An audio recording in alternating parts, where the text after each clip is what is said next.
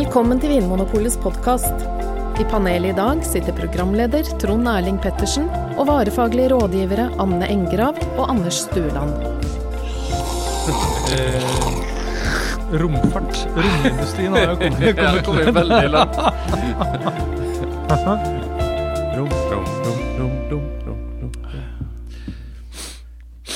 Hiv ohoi og ei flaske med rom, og hjertelig velkommen til Vinmonopolets podkast, hvor vi i dag skal snakke om et ordentlig røverbrennevin.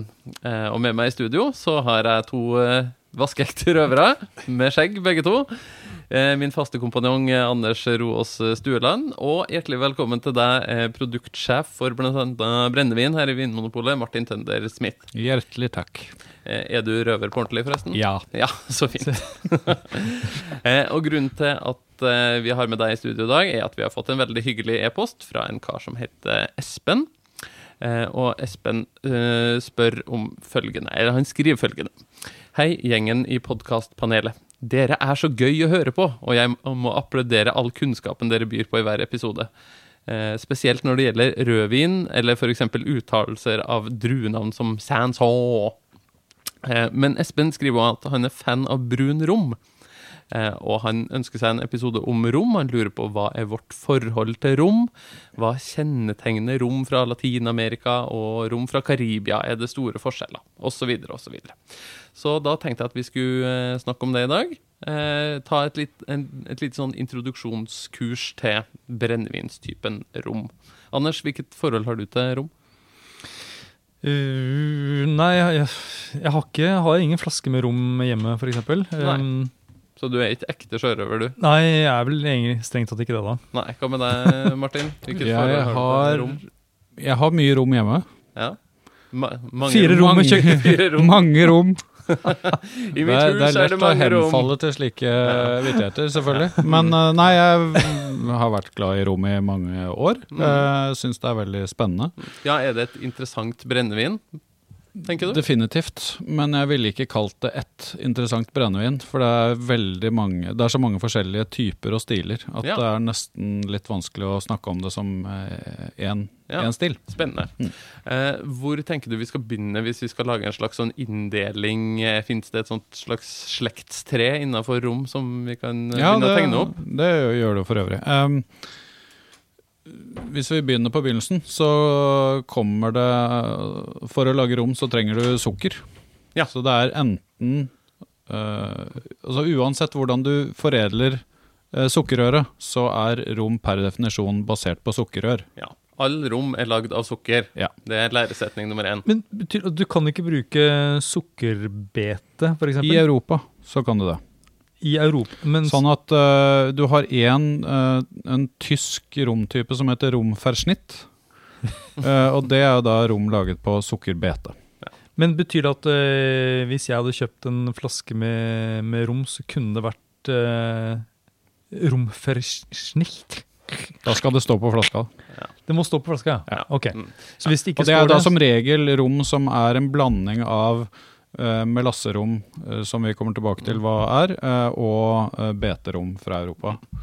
Det er ikke så vanlig med beterom og rom for snitt. Nei, altså det, strå er jo noe veldig mange kjenner til. Strå er jo en rom, men det er en tysk rom. Ja. Så det er en sånn romfersnitt.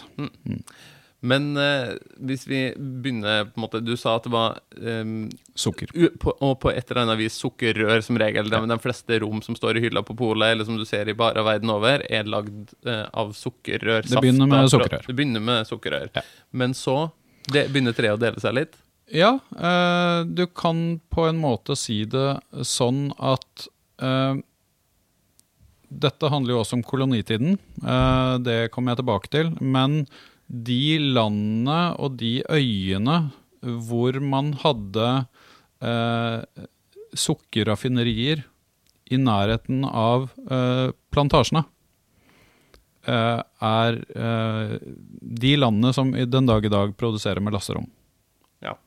For Også- melasse, det er da på en måte et uh, foredla sukkerprodukt. Ja, det er, slags bipro sånn det er biprodukt av sukkerraffinering. Ja. Så når du raffinerer sukker, og så trekker du ut sukkeret som du selger i hele verden, Som vi så sitter du igjen med melasse. Ja. Det er biproduktet. Og det er høyt sukkerinnhold i melasse, Mm. sånn at det er jo veldig fint å få brukt det til noe.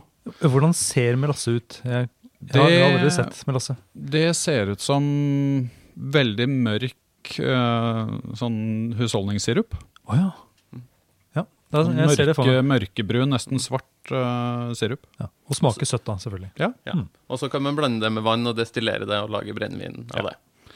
Og å blande med vann er ganske essensielt, fordi at uh, det er så høyt sukkerinnhold i melassen at hvis du ikke vanner ut, så dreper du gjæret. Så det må vannes ut uh, pga. gjærhelse, og selvfølgelig også fordi at uh, ja, det, det, det er lettere å jobbe med noe som er litt mer tyntflytende. Da. Og de som ikke lager rom av melasse, de lager da rom av sukkerrørsaft. Ja.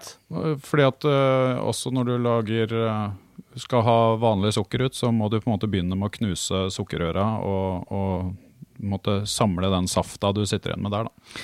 Hvor mye, altså Et sukkerrør når jeg, aldri, jeg har ikke sett det i levende live, men det er jo en, eh, en gressart. Ja. Eh, sånn tykke rør. Ser nesten ut som grønn bambus, på en måte. Ja, jeg har jo bodd i Afrika, så jeg har jo tygd sukkerrør uh, som ja, lørdagsgodt i flere år. Ja. Ja, Jeg ser for meg at det er en litt, at det er en litt tørr plante. Hvor mye saft er det mulig å få ut av Det er Dette her? veldig mye saft i det, hvis du, hvis du kutter de på riktig tidspunkt. Ja. Um, du kan altså Si du har en stokk på Det ser jo på en måte Det ligner litt på bambus, egentlig. For det er sånne de er- ledd er i høy, Ja, er- de kan jo bli um, halvannen-to meter høye. Ja. Mm. Tipper jeg. Ja, de kan bli høyere enn det også. Um, og hvis du da på en måte kutter kutter de og skreller de, så er det jo Du kan jo bare tygge på det og, og liksom suge i deg safta. Og Kan du da kjenne altså den smaken eh, som du da kjente når du var barn og tygde på sukkerrør, er det en smak du kan kjenne igjen i rom? Ja, Det er det. Og vil, Både du i melasserom og grikolrom. og hvordan vil du beskrive den smaken utover det at det naturligvis er søtt, men hva, hva slags aroma er det i på måte, sukkerrørsafta og da i rommen? Jeg synes jo, altså Det er jo ikke noe tvil om at dette blir tydeligst i eh, rom laget av sukkerrørsaft. Um, noen har kanskje smakt rom fra Martinique, såkalt agricole-rom. Noen har kanskje smakt cachaça fra Brasil, som også er agricole-rom, bare fra Brasil. Eh, jeg syns det smaker eh, relativt friskt. Altså det er noe sånn, en del sånn sitrus Litt sånn blomst Sommeraktig. Noe ganske sånn En sånn litt lette, lyse topptoner, på en måte, og noe sånn gressblomst-sitrusaktig. Ja. ja. Og så er det noe jordlig der også. Mm. Som forteller at det her Noe litt, er, noe litt dypere det er noe som vokser opp av jorda. Mm. Kult. Mm. Um, men du var inne på det med kolonitida, og på en måte ulike land i Europa hadde jo kolonier ulike steder. Og det har satt sitt preg på liksom, de ulike romvariantene som, som finnes i dag. Ja, um, det er egentlig en Det kan være en grei måte å sortere litt på, egentlig. For at du har ehm, eh, spanske, engelske og Eller britiske og franske ekskolonier. Uh, og hvilke metoder uh, de som flyttet ut i koloniene, og som etablerte disse sukkerplantasjene og tilhørende destilleri, det, på en måte, det dikterte hvordan, hvordan de lagde produktene sine. For de tok jo med seg da prosess og kunnskap om destillasjon og gjæring fra hjemlandet sitt. Um, sånn at i, eh, i de spanske, tidligere spanske koloniene så er det jo uh, For det første så er jo Solera-metoden uh, utbredt. Uh, spansk eh, rom er jo som regel eh, Solera-lagret. Som da er på en måte den samme metoden som man bruker i, når man lager sherry, f.eks. At man har da eh, ulike stadier, at drikken ligger på fat i, og lagra på ulike stadier, og så blandes det, og så blir på en måte den ferdige drikken en sånn blanding av ung og gammel, på et vis. Ja. Eh, ja. Og det, er jo, det er jo en veldig god måte å sikre jevn kvalitet, da. Og, og på en måte smakslikhet når du, har, når du lager brennevin i et klima som, som, eh, som eh, per definisjon fører til veldig eh, hurtig modning og eh, kanskje til og med litt sånn vanskelig å kontrollere, fordi at både gjæring og modning altså Alt går veldig fort pga. Eh, veldig høye temperaturer. Så er jo Solera-metoden en, en god metode å sikre sikre jevn kvalitet på. Mm. Eh, Espen nevner jo Latin-Amerika og Karibia her. Hvilke, hvilke, steder, øyer, land er det som måte, tilhører den spanske skolen? Og, og hva kjennetegner rommene som, som, tilhører den delen av romspekteret, for å si det sånn? Jeg, jeg tenker at det er naturlig å nevne Cuba først. Selv om det bare er noe av det som fremdeles produseres på Cuba, så er det jo der alt begynte, på en måte, med Bacardi. Uh, og Bacardi som merkevare er én ting, men Bacardi-familien uh, var de som uh, som begynte med det vi kjenner i dag fra egentlig all rom i spansk tradisjon, som også er da kullfiltrering. sånn at du fatlagrer rommen en viss periode, som gir den måtte, litt fattoner, litt lagringspreg, litt rikere stil. Um, og så um, Og så filtrerer du den etterpå. Da fjerner du fargen, men du har fremdeles da en blank rom med, med um, litt liksom rikere, rikere stil enn en, uh, om du ikke hadde gjort det.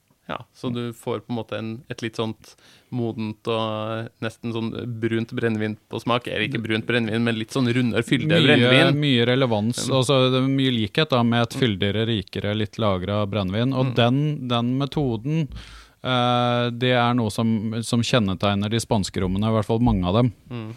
Eh, og så har du um, selvfølgelig ulikheter der òg, men det er i hvert fall en sånn Mm.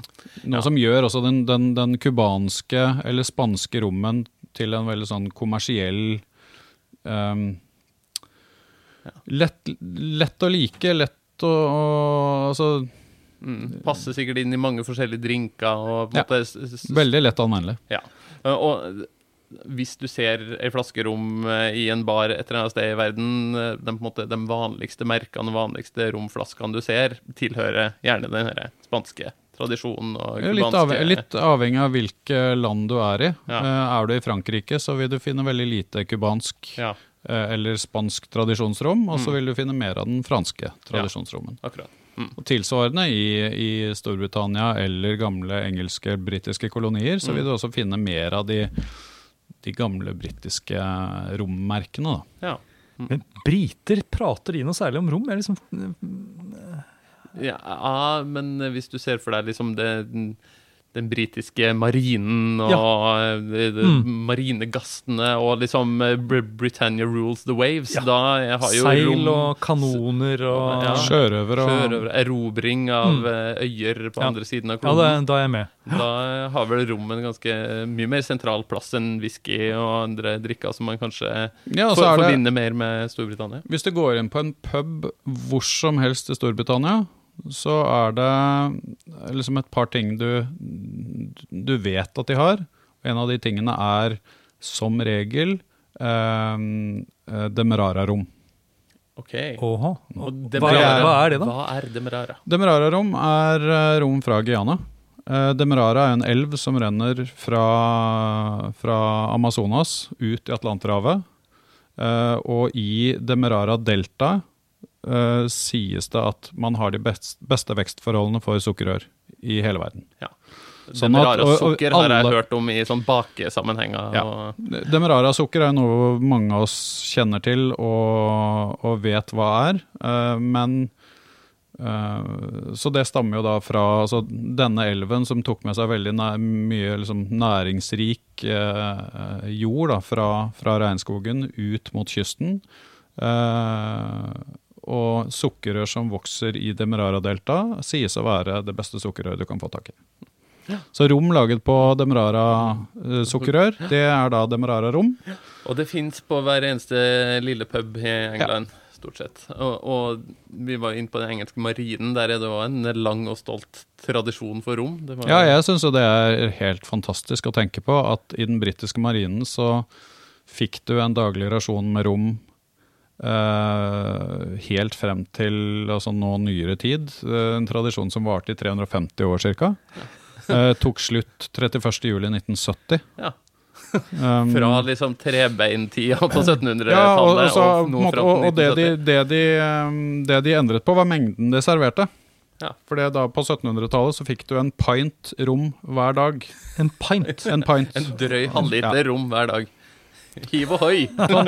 Mellom 5 og 6 dl med nesten 60% brennevin om dagen. Ja, for det, den rommen holdt det som heter Navy Strength, marinestyrke, som var liksom opp mot 60 litt sterkere. Nei, ja, altså Det er jo en moderne term, men poenget var jo at alkohol måtte holde høy nok styrke til å ikke ødelegge kruttet hvis eh, hvis tønnene velta og sånn, da, så skulle du ikke ødelegge kruttet. Ja, det var en praktisk uh, En kruttsterk rom. Ja. Sånn at du fremdeles kunne antenne vått krutt. Mm. Ja. Uh, for det var eh, da fuktet av eh, Såpass høy- sterk høy alkohol. Sånn er det i militæret. Det er, eh, der har du tenkt på alt. Ja da. Men eh, så eh, var det da opptøyer i den britiske marinen i 1970, når de avskaffet eh, dagsrasjonen på eh, rom? Det var i hvert fall en, eh, en veldig høytidelig seremoni den 31. juli 1970, eh, da de serverte det siste eh, Da, altså i 1970, så ble det servert 7 centiliter om dagen. Altså en, en dobbel eh, shot. Ja. En shot i Storbritannia er 3,5 centiliter. Så fikk 7 centiliter om dagen. Eh, Det var en, eh, selvfølgelig en alvorspreget stund eh, når man ikke gjorde det lenger. Det er jo en dag som markeres hvert år av oss romfantaster. Black, Black Tot Day. Det, da hever vi Det er fantastisk. fantastisk. Og, og det du har i glasset på den dagen, er da Det er Navy rum. En, Navy rum. Navy rum. Basert da på demerara-sukker. Ja. Eh, Ja, det må det være. Og de engelske koloniene eller stedene som er eh, påvirka av den engelske romtradisjonen, hvor er det? Hvordan smaker rommen? Kan, kan du fortelle litt mer om, Nei, om den stilretningen? Der kan vi jo Uh, hvor lang tid har jeg, holdt jeg på å si? Uh, jeg, jeg tenker kanskje at Guyana og Jamaica er de to uh, stedene vi skal bruke tid på nå. Mm. For det er eh, i hvert fall i mine øyne det mest særegne. Uh, Jamaica har en lang og veldig fascinerende romtradisjon. Um, det første plantasjedestilleriet på Jamaica åpnet i 1673, hvis jeg husker riktig. Um, og er fremdeles i operasjon. Der produserer de rom på en måte som kan minne oss ganske mye om whisky, maltwhiskyproduksjon i Skottland. Eh, så det er potstill-destillering, og det er um, en sats som Altså, det er veldig mye smak da, i, i Jamaica-rommen. Og litt sånn røff i kantene, på en måte. Ja. Uh, Det er en type rom som tåler mange års fatlagring, også i karibisk klima. Uh, innenfor rom så har du også det som, som kalles for early landed trade. At du, du, du Altså, rom var jo en handelsvare på linje med alt annet, og, og hvor du da som, eh, som hadde den en handels, eh, handelsfartøy, så tok du med deg tønner med rom tilbake til eh, Storbritannia.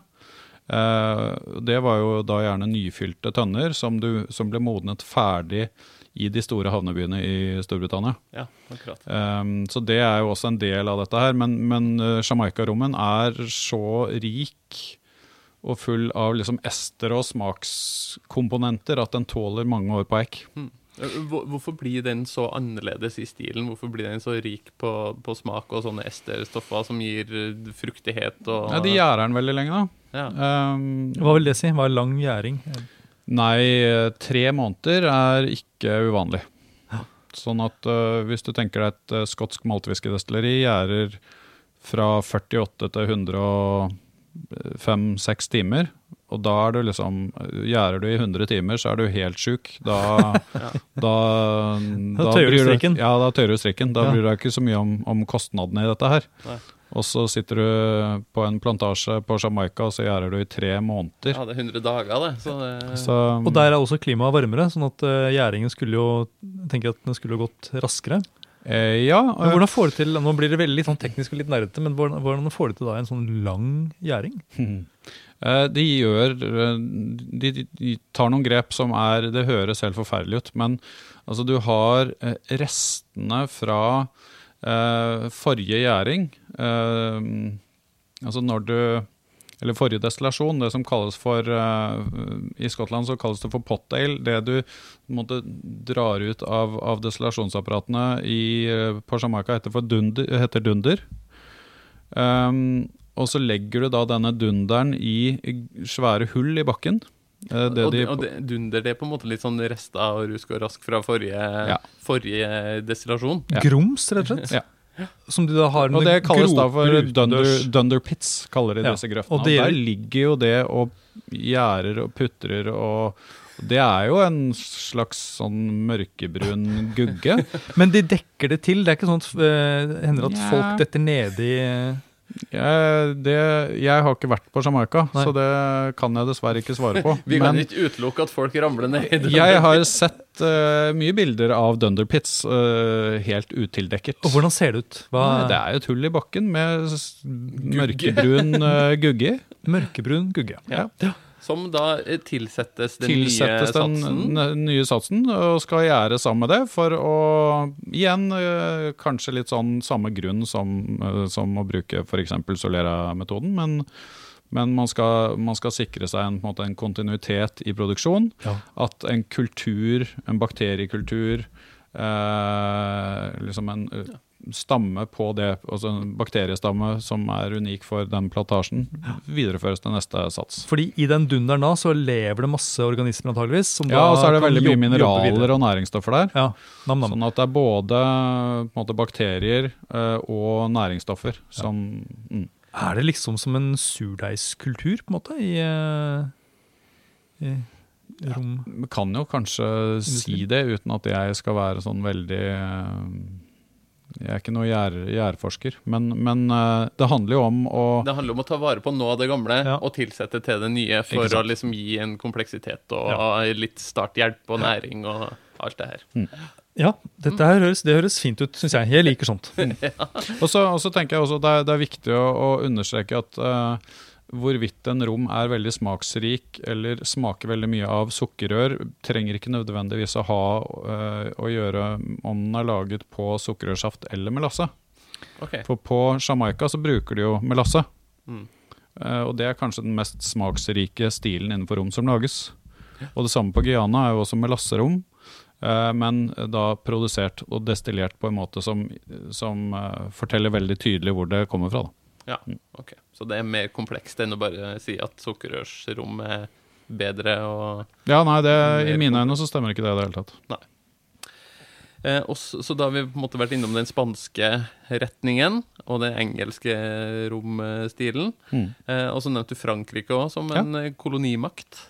Ja, og de har, jo, de har jo fremdeles kolonier i, eh, i området. Martinique.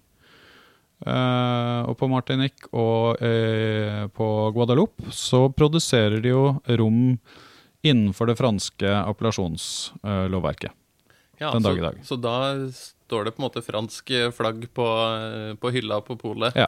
Men, det er eh, merket med fransk flagg, og det forvirrer noen, men det er jo fordi at dette er fransk eh, territorium. Mm. Og, og da er det altså da lover og regler knyttet til eh, et sånt appellasjonsnavn. appellasjonsnavn. Ja. Litt sånn som i vinproduksjonen i Frankrike. Ikke sant. Eh, og da, eh, innenfor disse appellasjonene på Martinique og Guadeloupe, så eh, må du da forholde deg til eh, et visst eh, maksimalt utbytte per hektar sukkerrørsmark. Eh, det er eh, restriksjoner på vanning. Eh, det er restriksjoner på når på året du kan destillere. Og det er også retningslinjer på eh, hvor eh, høyt innholdet av estere det skal være. Og dette her med når de kan destillere, henger det sammen med at det må være da ferske sukkerrør? Er det derfor, eller er det noen andre grunner til at de har en sånn regel? Det uh, har nok noe med det å gjøre, og så tenker jeg også at det har noe med, med eh, Det har noe med temperatur, det har noe med tornadosesongen å gjøre. Um, Det er mye man skal ta hensyn til som Ja. romprodusent. Altså. Mm. Det er klart at uh, i, i uh, Karibien så er du veldig utsatt for uh, uvær visse deler av året. Mm. Og da er det veldig greit å ikke ha full fyr på alle apparater. Mm. Um, Så de her romprodusentene på Guadalupe og Martinique, de, når de leser i avisa om sånne franske vinbønder som har fått litt hagl og litt regn og sånn i vinmarkene sine, så Fnyser i barten. Ja, fnyser i barten og sier 'skulle vært her'. Vi har tornadoer på alle kanter. ja. Og så, og så er det jo også det som er litt interessant, og som ikke gikk opp for meg før for noen år siden, er jo at eh, innenfor de eh, I hvert fall på Guadeloupe, da, som også er en fransk appellasjon, innenfor agrikollrom, så produserer de jo melasserom eh, resten av året. Ja, akkurat. Sånn at de lager, for det, de franske appellasjonene det er jo da eh, laget på sukkerrørsaft. Ja. Men det er jo, eh, altså, det er jo produksjon av melasserom også. Mm. På de samme destilleriene som lager denne agrikolrommen, så lager de melasserom, men de lager det ikke i den tidsperioden du skal produsere agrikolrom. Nettopp. Så det er, det er dumt å la alt utstyret stå uh, uten å Brakk i syv måneder. Ja. mm. måneder. Ja, Men da kan det ikke selges som Martinique-rom, f.eks. Da Du kan selge som martinikkrom, men ikke som agrikol. Ikke som agrikoll. Ja, og agrikol betyr jordbruk på fransk, men hva, hva ligger i det begrepet? Rom agricol? Rom agricol betyr eh, kort fortalt at det skal være eh, rom laget på sukkersaft. At det skal være kolonnedestillert, ikke høyere enn 72% alkohol. Eh, at det ikke skal være destillert utenom perioden oktober-november til mars. Dette er veldig imponerende, Martin. Eh, Når du sier, altså, for, for mange vil, jo tenke at jo sterkere med brennevin er, jo bedre er det. Men du sier at det er maks 72% Hvorfor har de en sånn grense med eh, maks Nei, det, alkohol? det er jo fordi at hvis du destillerer ut høyere enn det, så mister du veldig mange ledsagerstoffer, altså aroma- og smakskomponenter. Ja, Akkurat så det blir et eh, litt kjedeligere brennevin hvis det blir veldig sterkt. Det kjedeligste brennevinet er jo det som er destillert til 96% Ja. For det smaker jo Smaker ikke så mye annet enn etanol, egentlig. Nettopp. Mm. Ja, så da har vi vært innom både spanske og engelske og franske kolonier som har litt eh, ulike smaksretninger på rommen. Jeg lurer litt på dette her med, med lagring av rom. Fordi noen rom er jo eh, blanke, og så er det noen som er brune. Og da regner jeg med at det er at de er lagra de som er brune. Men f.eks. for eksempel det med farge, er det sånn at jeg er garantert at en brun rom har ligget på fat? Nei. Og en blank, klar, og en blank rom kan ha ligget på fat. Ja. Ja vel, ok. Men eh, ja, kan du For, for, forklar, forklare litt? forklar lærer Smith, hvordan henger dette sammen? Um, uh, man kan altså tilsette karamellfarge i uh, veldig mange brennevin. Sukkerkulør. Sukkerkulør. Hmm. E150. Det, er- Eh. det er det som er på den lille svarte flaska som svigermor har i sausen når hun Mm. syns den ser litt bleik ut. Eh, og det er noe man gjør eh, omtrent overalt, med noen unntak. Men eh, og, og grunnen til det er jo ofte at man vil at noe skal se likt ut fra gang til gang. At det skal ha, liksom, ha sam, cirka samme farge. Ja, at den, en- den en- whiskyen du pleier å kjøpe, eksempel, skal se lik ut. Fra Ja, det skal ikke variere så veldig. Eh, men eh, jeg nevnte jo noe om dette her med den spanske tradisjonen i stad, og kullfiltrering. Eh, Vi kan begynne der, tenker jeg. Mm. Fordi at det var det som, eh, i hvert fall i mine øyne, en av grunnene til at den spanske rommen har blitt såpass populær som det den har blitt, er jo nettopp det at mye av den blank, blanke rommen som kommer fra Cuba eller andre spanske, altså gamle spanske kolonier, den var lagret på fat, gjerne ett og to år, og så er det kullfiltrert for å fjerne farge. Ja vel. At man lager en rom som, eh, som er på en måte moden og litt fyldig, og så filtrerer man gjennom eh, rett og slett kull for å ta bort fargen. Ja, For å Aktivt kull. Og det, det du får da, er jo et blankt brennevin, eller et nesten blankt brennevin, som smaker veldig mye mer, og som er søtere enn et brennevin som ikke har vært på fat i det hele tatt. Så det er på en måte Du, du bygger litt sånn Du bygger litt munnfølelse og litt smak og litt aroma og litt, eh, litt sånn karakter, da. Mm. Ja. Eh, samtidig som det er veldig lett å drikke og lett å like. Mm.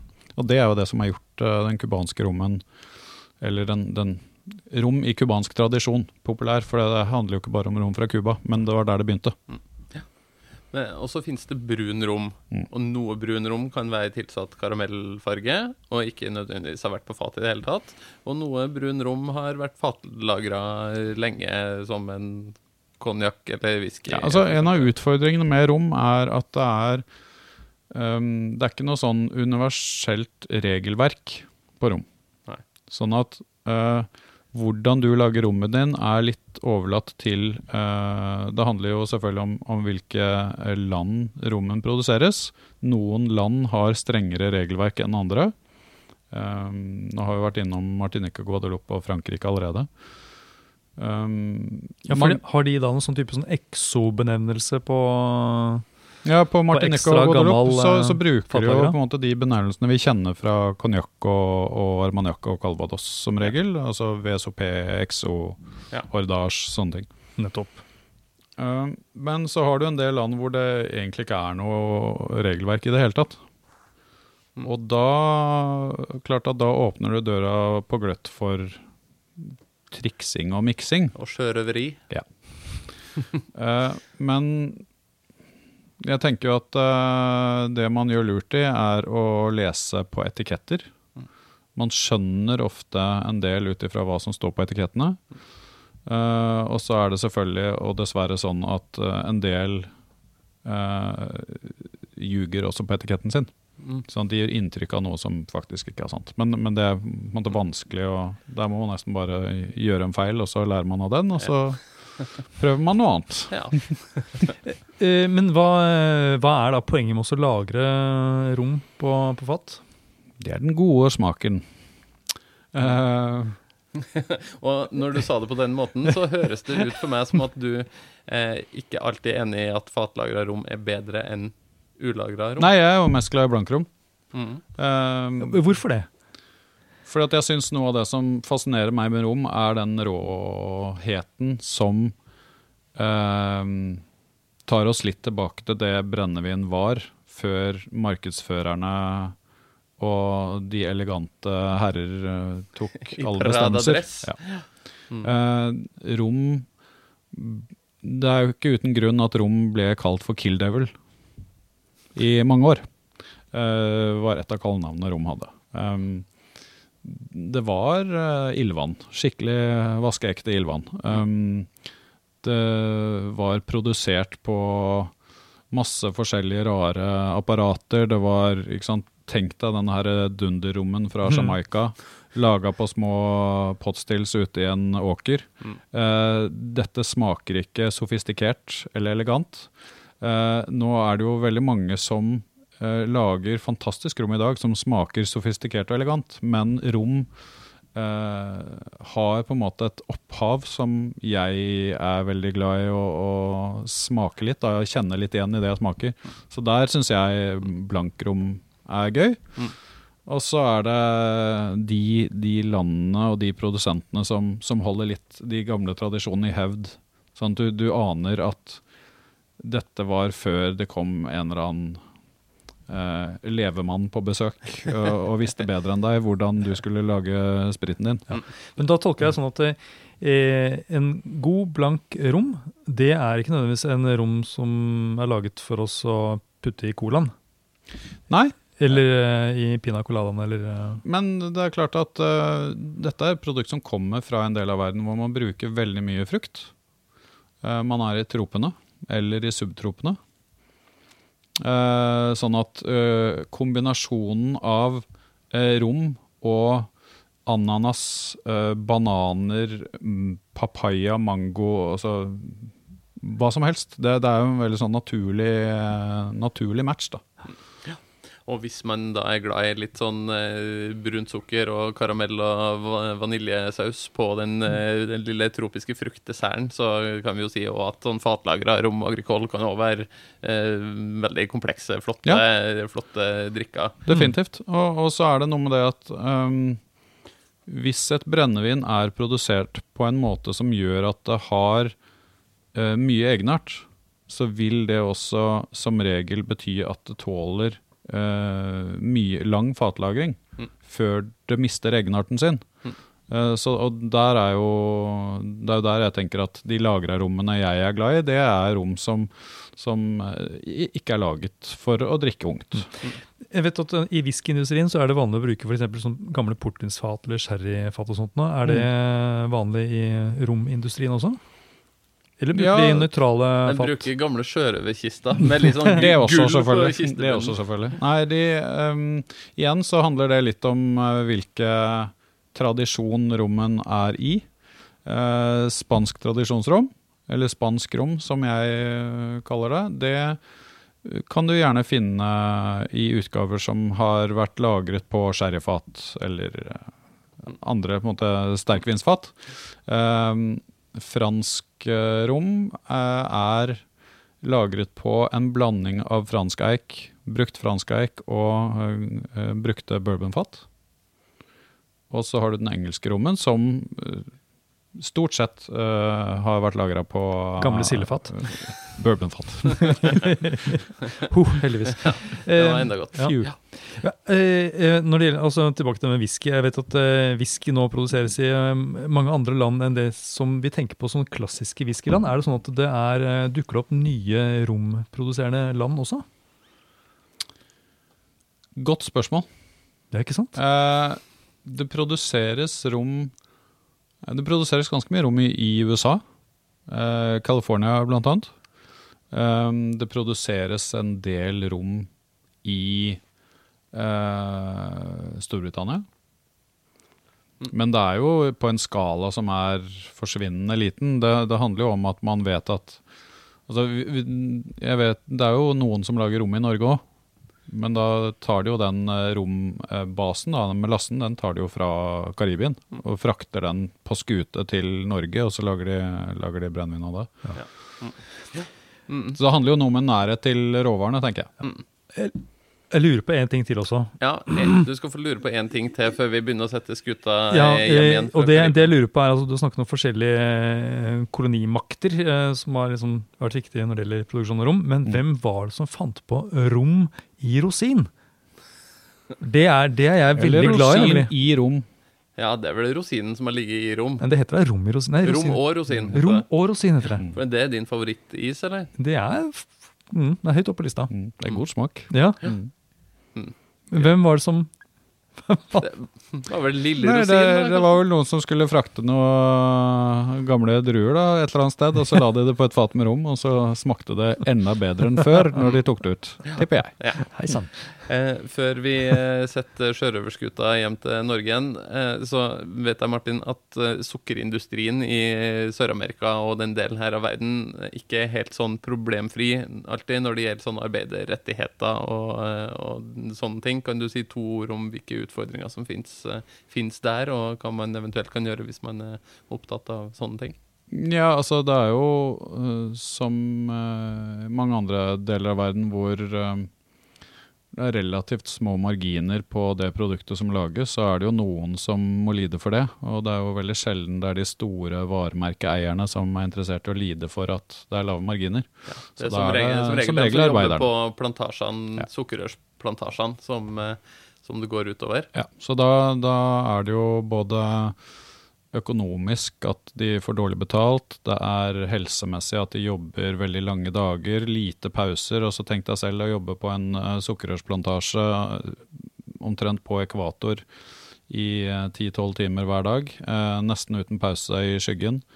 Eh, kanskje det er lite eller dårlig drikkevann, det er eh, dårlige arbeidsforhold, rett og slett. Da. Og så er det jo heldigvis nå en del eh, organisasjoner eh, som setter litt fokus på dette her, så vi begynner å se en liten oppblomstring av eh, fair trade og fair for life, altså rettferdige, eh, rettferdige produkter. Da. Ja, bra. sertifiseringsorganisasjoner som sørger for at eh, forholdene er litt mer på stell, og at ja. det går en viss sum med penger tilbake til lokalsamfunnet, arbeiderne osv. Der vet man jo at, at eh, hvis en rom er, eh, har en eller annen sånn etisk merking, så vet man at de uh, arbeiderne som har høstet de sukkerrørene, de får uh, markant bedre betalt enn eh, de som ikke jobber på slike plantasjer. Så det, hvis eh, det fins sjørøverrom i verden, så fins det heldigvis òg litt sånn Robin Hood-rom som gir litt tilbake til de Jeg fattige. tenker jo at det ene utelukker ikke nødvendigvis det andre. Nei. I hvert fall ikke i 2018. Nei, og uh, siden du er så glad i litt sånn uh, vill uh, Jamaica-rom, så har du kanskje en liten sjørøver i magen? Uh, eller en drøm om en gang å ha vært sjørøver? Det kan jo hende. Ja, ja kanskje vi kan bli sjørøvere? Det, det er ikke sikkert at den tida er forbi. Det Ja, I mellomtida så kan vi jo smake på litt uh, kompleks og eh, klin gæren dunder og brak-rom fra Karibien. Ja. Tusen takk, Martin og Anders, for at dere var med i dag. Takk til Espen. Håper du har hatt det gøy mens du har hørt på oss og lært litt grann om uh, romstilene i verden. Uh, hvis det er noen andre som ønsker seg et tema for en episode eller lurer på noe, så send inn en mail til podkast.vinmonpolet.no. Ha det bra. Ha det. Adios. Takk for at du hører på Vinmonopolets podkast. Har du forslag til et tema i podkasten? Send mail til podkast at vinmonopolet.no. I tillegg svarer kundesenteret deg på e-post, chat og telefon.